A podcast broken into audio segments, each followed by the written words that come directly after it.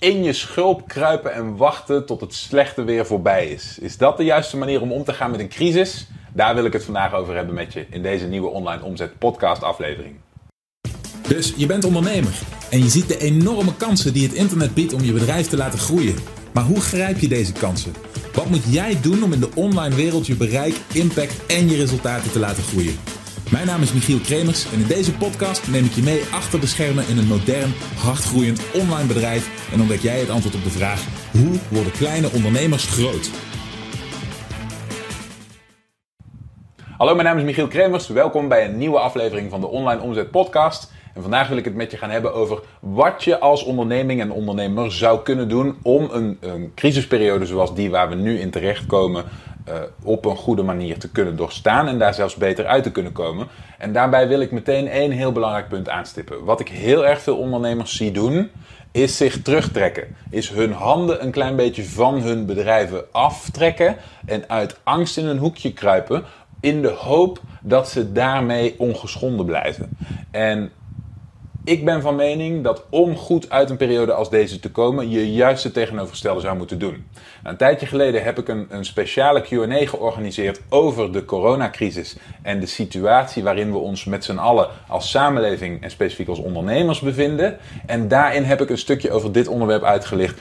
Uh, en ik denk dat je daar iets aan kunt hebben. Want het probleem wat ik nu zie voltrekken, we zijn nu wat verder in die situatie, is dat inderdaad veel ondernemers stiller worden, minder doen, minder communiceren. En ik wil, graag bij jou aan de bel trekken om te voorkomen dat dat je straks de das omdoet. Dus ik wil graag de opname van die QA met je delen, voor in ieder geval voor een gedeelte, in de hoop dat je daarmee geholpen bent. Dus laten we snel gaan kijken we hebben het gehad over jezelf als onderneming, maar er is die onderneming als ondernemer, maar er is ook de ondernemer, de processen die gaande zijn in je onderneming en de invloed van de huidige situatie daarop en wat je daaraan kunt doen.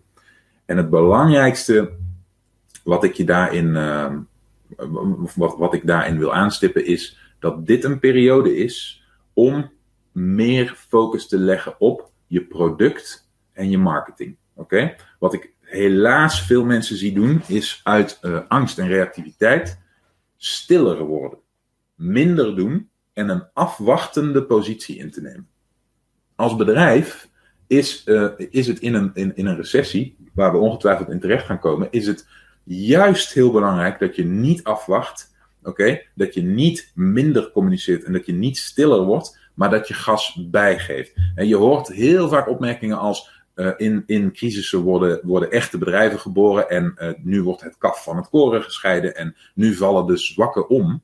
Maar wat dat betekent is dat degenen die er sterker uitkomen wel overleven. De, de sterken, dat zijn degenen die hebben niet per se een positievere uh, situatie in deze crisis. Die hebben harder gas gegeven in deze crisis. Oké, Die doen meer, werken harder maken meer, uh, zorgen voor meer rimpels in het water. En dat kan net zorgen voor uh, het, het tippen van de scale naar de juiste kant. Het zorgen voor net voldoende ademruimte om zo'n crisis te overleven. En dan heb jij, als je dan staat, hè, en, en zo'n crisis is achter de rug en economieën trekken aan, dan heb jij je hele infrastructuur doelgroep, communicatielijnen enzovoort, enzovoort staan. En dan kun jij het hardste groeien, waar andere mensen dan zijn omgevallen en helemaal opnieuw moeten beginnen. Dus dat is, uh, denk ik, een heel belangrijk punt. In deze periode wil je bouwen aan je product en werken aan je marketing.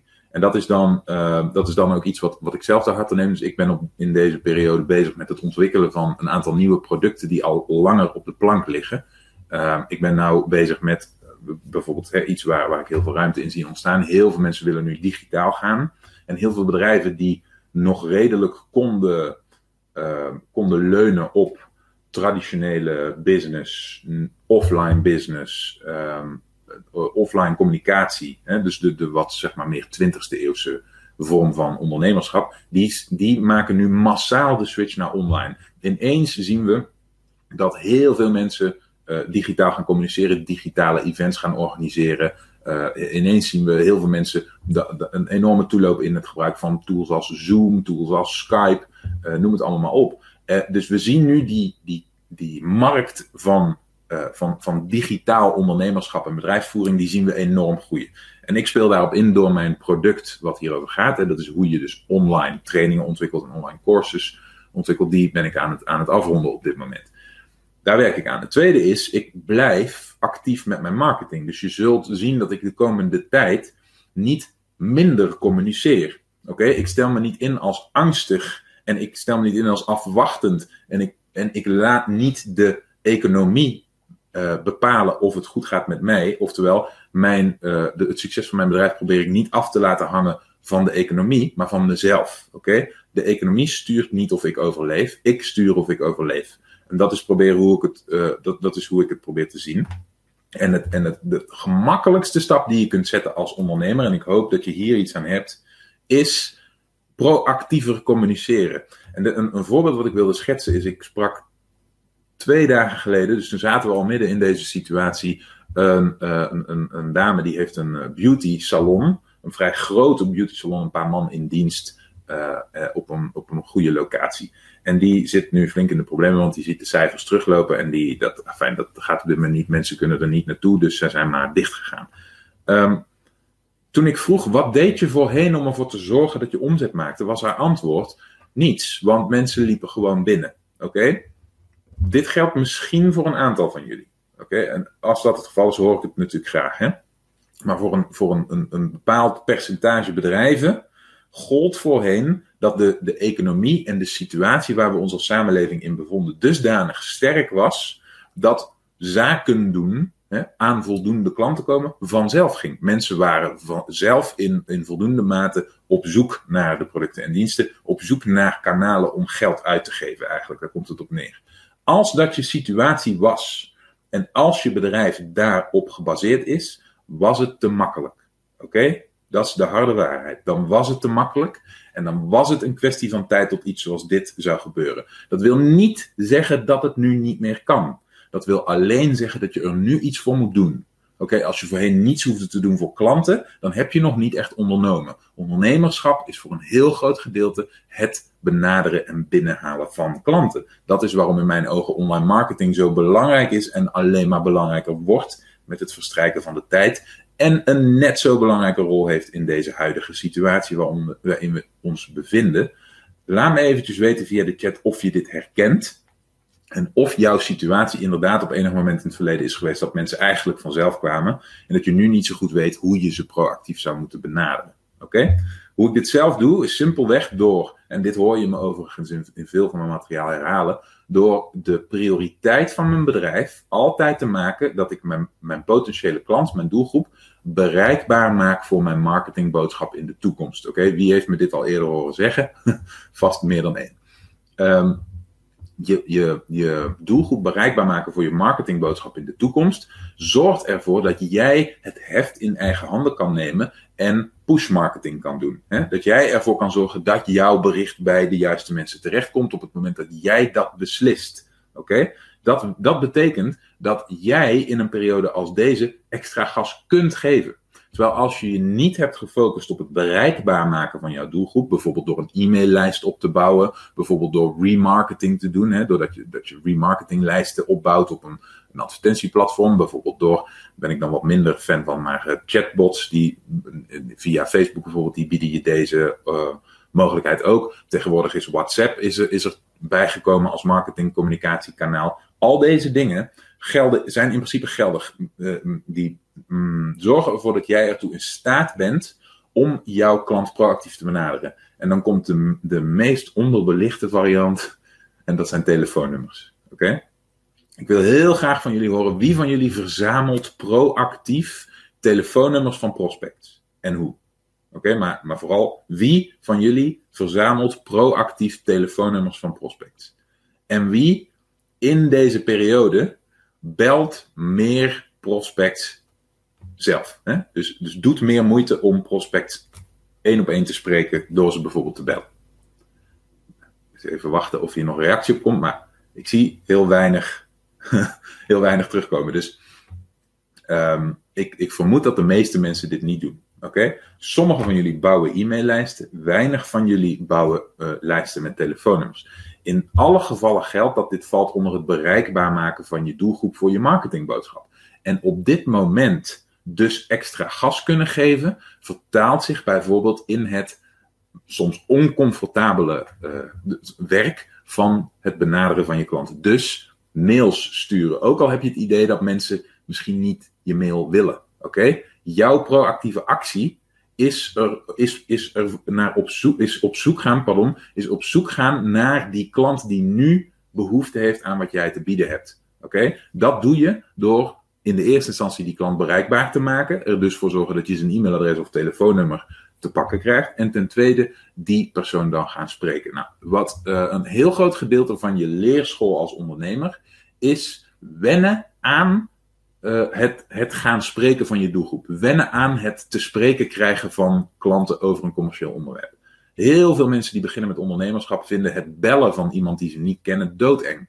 Heel veel mensen vinden het sturen van hun eerste mailing naar meer dan 10 mensen bijvoorbeeld doodeng. Oké, allemaal hebben ze het idee, oh nee, mensen willen dat niet. Oh nee, mensen willen daar niet van horen. Als dat je overtuiging is, oké, dat mensen niet van je willen horen, dan is dat exact wat je krijgt. Dat mensen niet van je willen horen. Maar als jouw overtuiging is dat jij een specifieke doelgroep kunt helpen hun probleem op te lossen, dan zou je juist overtuigd moeten zijn van het feit dat mensen van jou moeten horen. En in deze periode geldt dat net zo goed als voorheen, misschien zelfs meer afhankelijk van de markt waar je in zit.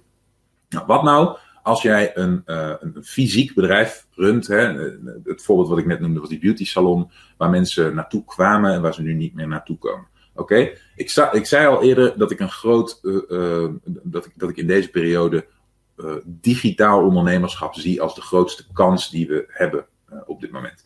En een groot gedeelte van digitaal ondernemerschap draait om informatie. Dus als jij een beauty salon hebt, waarmee jij normaal gesproken jouw vak toepast, dan is dit de fase waarin je niet langer degene bent die het vak toepast, maar degene die het vak leert. Oké? Teaching, het leren van je concepten aan anderen, is in mijn ogen de grote kans van de periode waar we ons nu in bevinden. En dat, dat, dat riep ik eigenlijk ook al voor deze, deze hele situatie. Ik denk dat dit uh, ondernemerschap in de 21ste eeuw uh, steeds meer gaat draaien om het kunnen overbrengen van informatie en het kunnen leren van concepten aan anderen.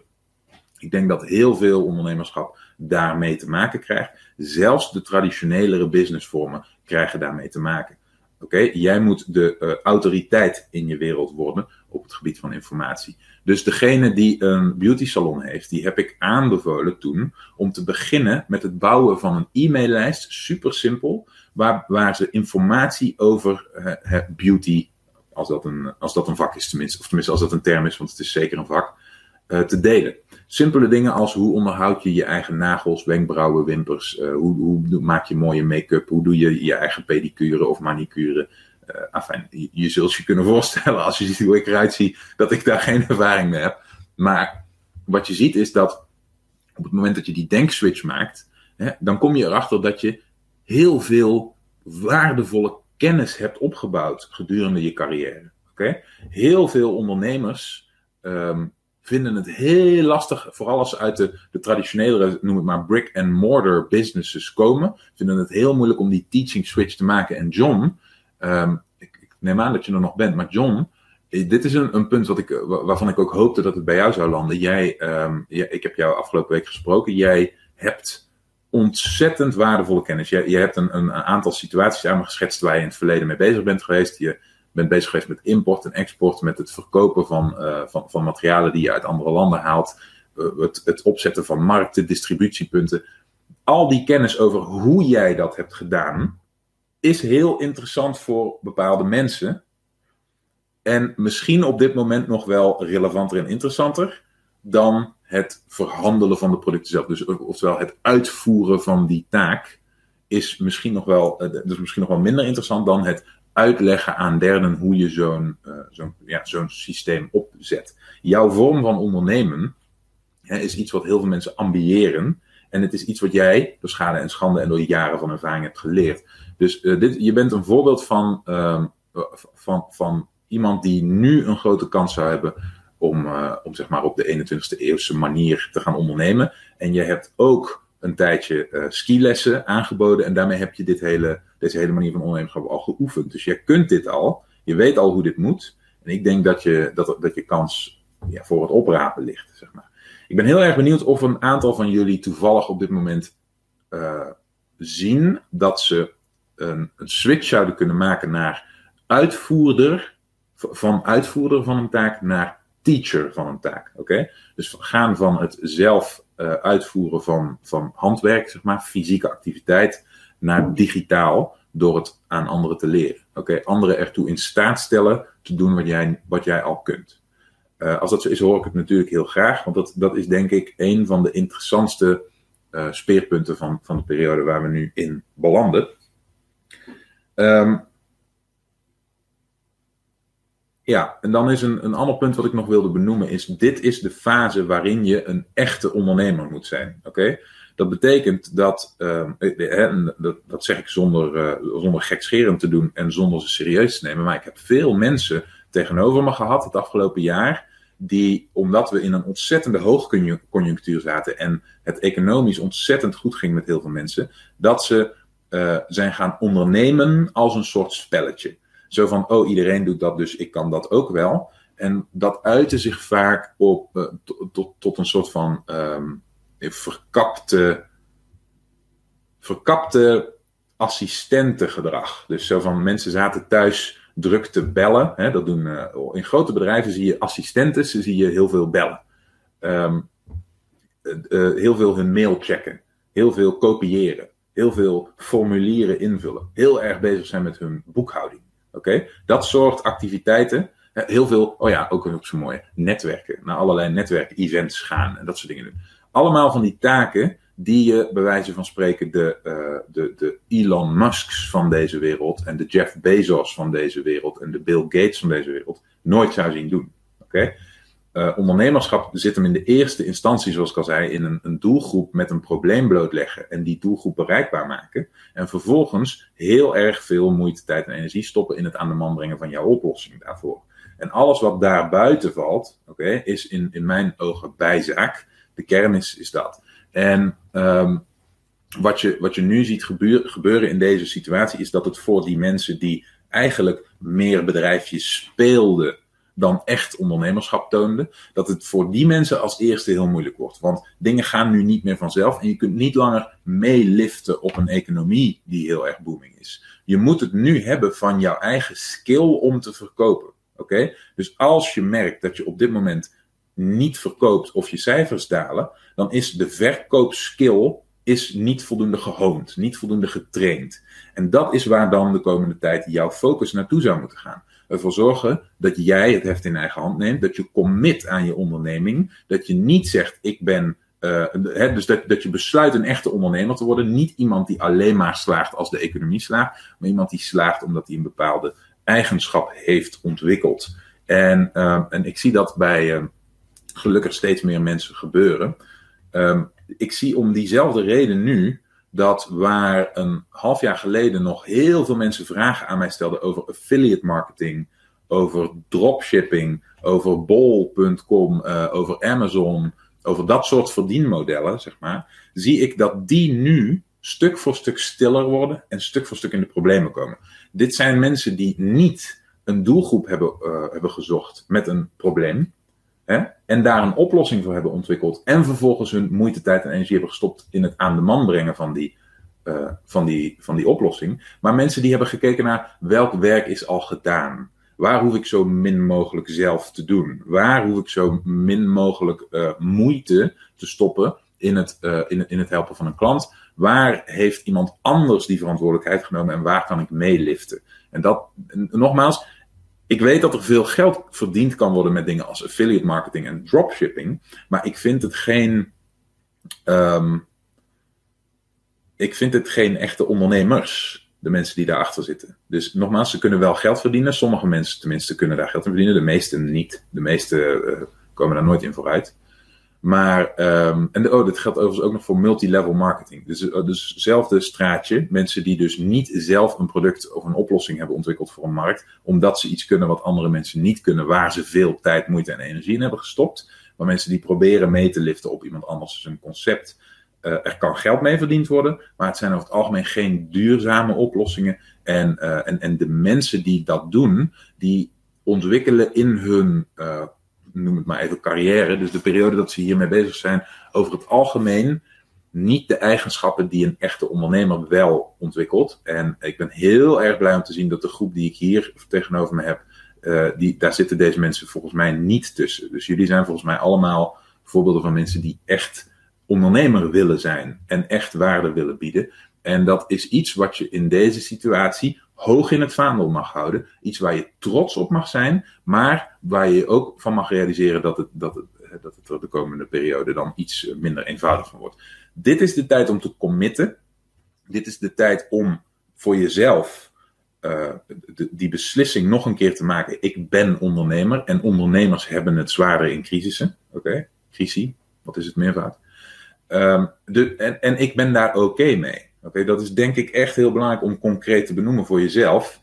Dat gezegd hebbende komen we bij een uh, wat pijnlijker onderwerp. Wat nu als je bedrijf echt aan het kelderen is? Wat nu als je een, uh, een, een, onderneming hebt hè, die, die helaas misschien al wat zwaar weer achter de rug heeft, periodes waarin het minder ging en waarbij de huidige stand van zaken, misschien een horeca-onderneming bijvoorbeeld, al zal dat in, in deze online groep uh, niet het geval zijn, maar er zijn bepaalde markten nu heel erg aangetast. Oké, Mensen die op dit moment uh, nauwelijks meer iets kunnen verkopen omdat hun hele branche is stilgelegd, misschien ook opgelegd vanuit de overheid. Um, wat moet je dan? En nogmaals, als je het, als je je voelt als onderdeel van die groep, dan hoor ik het heel graag. Want ik, ik, ik heb heel graag concreet de doelgroep tegenover me. Um, als jij merkt dat, jou, uh, dat je bedrijf keldert, dat, het, dat de vraag naar je product volledig weggenomen is, dat, het, dat misschien het probleem wat jij oplost niet meer relevant is door deze situatie. Dat mensen er simpelweg niet meer mee bezig zijn of het zich niet langer kunnen of durven te permitteren. Dan kan het zijn dat je cijfers op dit moment dit doen. Dat ze duiken. Oké. Um, nogmaals, ik, eh, ik probeer je zo relevant mogelijk advies te geven. Zoals ik het zie, is het voor een ondernemer heel gevaarlijk om jezelf vast te houden aan een anker. Oké, wat, wat in zee wordt gegooid op het moment dat je dat anker vasthoudt, koste wat het kost, dan kun je een tijdje je adem inhouden en zak je dieper en dieper, dieper die zee in. Uh, maar op een gegeven moment is je lucht op en dan stik je of je laat het anker los. Dat zijn de twee, de twee keuzes die je hebt. Dus als jij op dit moment merkt, alles keldert en je ziet niet hoe dat voor jouw markt op korte termijn beter kan gaan, uh, maak dan niet de fout om tegen beter weten in dat anker vast te houden en naar de bodem van de zee te zakken. Want naast dat die ondernemer, uh, naast dat het een voordeel is, kom ik even terug op wat ik eerder zei, dat we als ondernemers een buitengewoon hoge pijngrens hebben. He, naast dat dat een voordeel is, omdat we daardoor door kleine dipjes heen kunnen, dat we langer onze adem in kunnen houden dan anderen, heeft het als nadeel dat we ook de neiging te hebben dat soms te lang te willen doen. En, uh, en, en ik weet van mezelf dat ik die neiging heel erg heb en dat ik mezelf daar enorm in moet trainen. Oké, we zijn uh, optimisten eigenlijk. We zien kansen, eerder, we zien eerder kansen dan beren op de weg. We hebben eerder de neiging vol te houden. En dan kom ik ook weer even terug toen we deze meeting begonnen, vroeg ik hoe iedereen zich voelt. En een overgroot gedeelte van jullie gaf aan eigenlijk best wel rustig te zijn, uh, te, maar soms zelfs te bruisen van energie. Oké, dat is in mijn ogen echt zo'n kenmerk van, uh, van die, die hoge pijngrens van, van ondernemers. Wij zitten in deze situatie, maar wij, wij zijn wel wat gewend. We kunnen wel tegen een stootje. En mijn advies aan je is nu: wees uh, realistisch en rationeel bij het maken van je keuzes uh, over je bedrijf de komende tijd. Nogmaals, stiller worden als ondernemer is geen oplossing. Marketing en productontwikkeling is je redding in dit geval. Maar het is afhankelijk van vraag uit de markt. En als die vraag volledig wegvalt, dan kun je misschien wel heel even aankijken hoe deze situatie zich ontwikkelt. Maar hou niet vast aan een anker wat naar de bodem van de zee zakt. Durf op een gegeven moment knopen door te hakken. Ook al zijn ze nog zo pijnlijk. En dat brengt me bij het volgende punt. Um, denk ik ook een, een, uh, een heel belangrijk punt. De waarde van je onderneming noem ik het maar even, zit eigenlijk, of de waarde van je ondernemerschap, moet ik het eigenlijk noemen, zit niet echt in je onderneming, maar zit in jou als ondernemer en jouw ervaring. Oké? Um, een, een, een heel mooie, mooie uitspraak van, van een van mijn grote voorbeelden en mentoren, Eben Pagan, is um, door zijn, uh, zijn jaren als ondernemer en, de, en de, de gigantische leerscholen die hem dat hebben gebracht, zei hij: Je kunt me nu overal ter wereld uit een vliegtuig duwen met een parachute. Waar ik ook land, het komt wel goed met mij. Hij weet door de skillsets die hij heeft ontwikkeld, hè, dus, uh, dat hij waar dan ook ter wereld weer hetzelfde zou kunnen doen. Oké, niet hetzelfde bedrijf opzetten, maar dat hij de overlevingsskills heeft ontwikkeld als ondernemer om te slagen. Dat hij snapt hoe, kom, uh, hoe, hoe kapitalistische samenlevingen werken.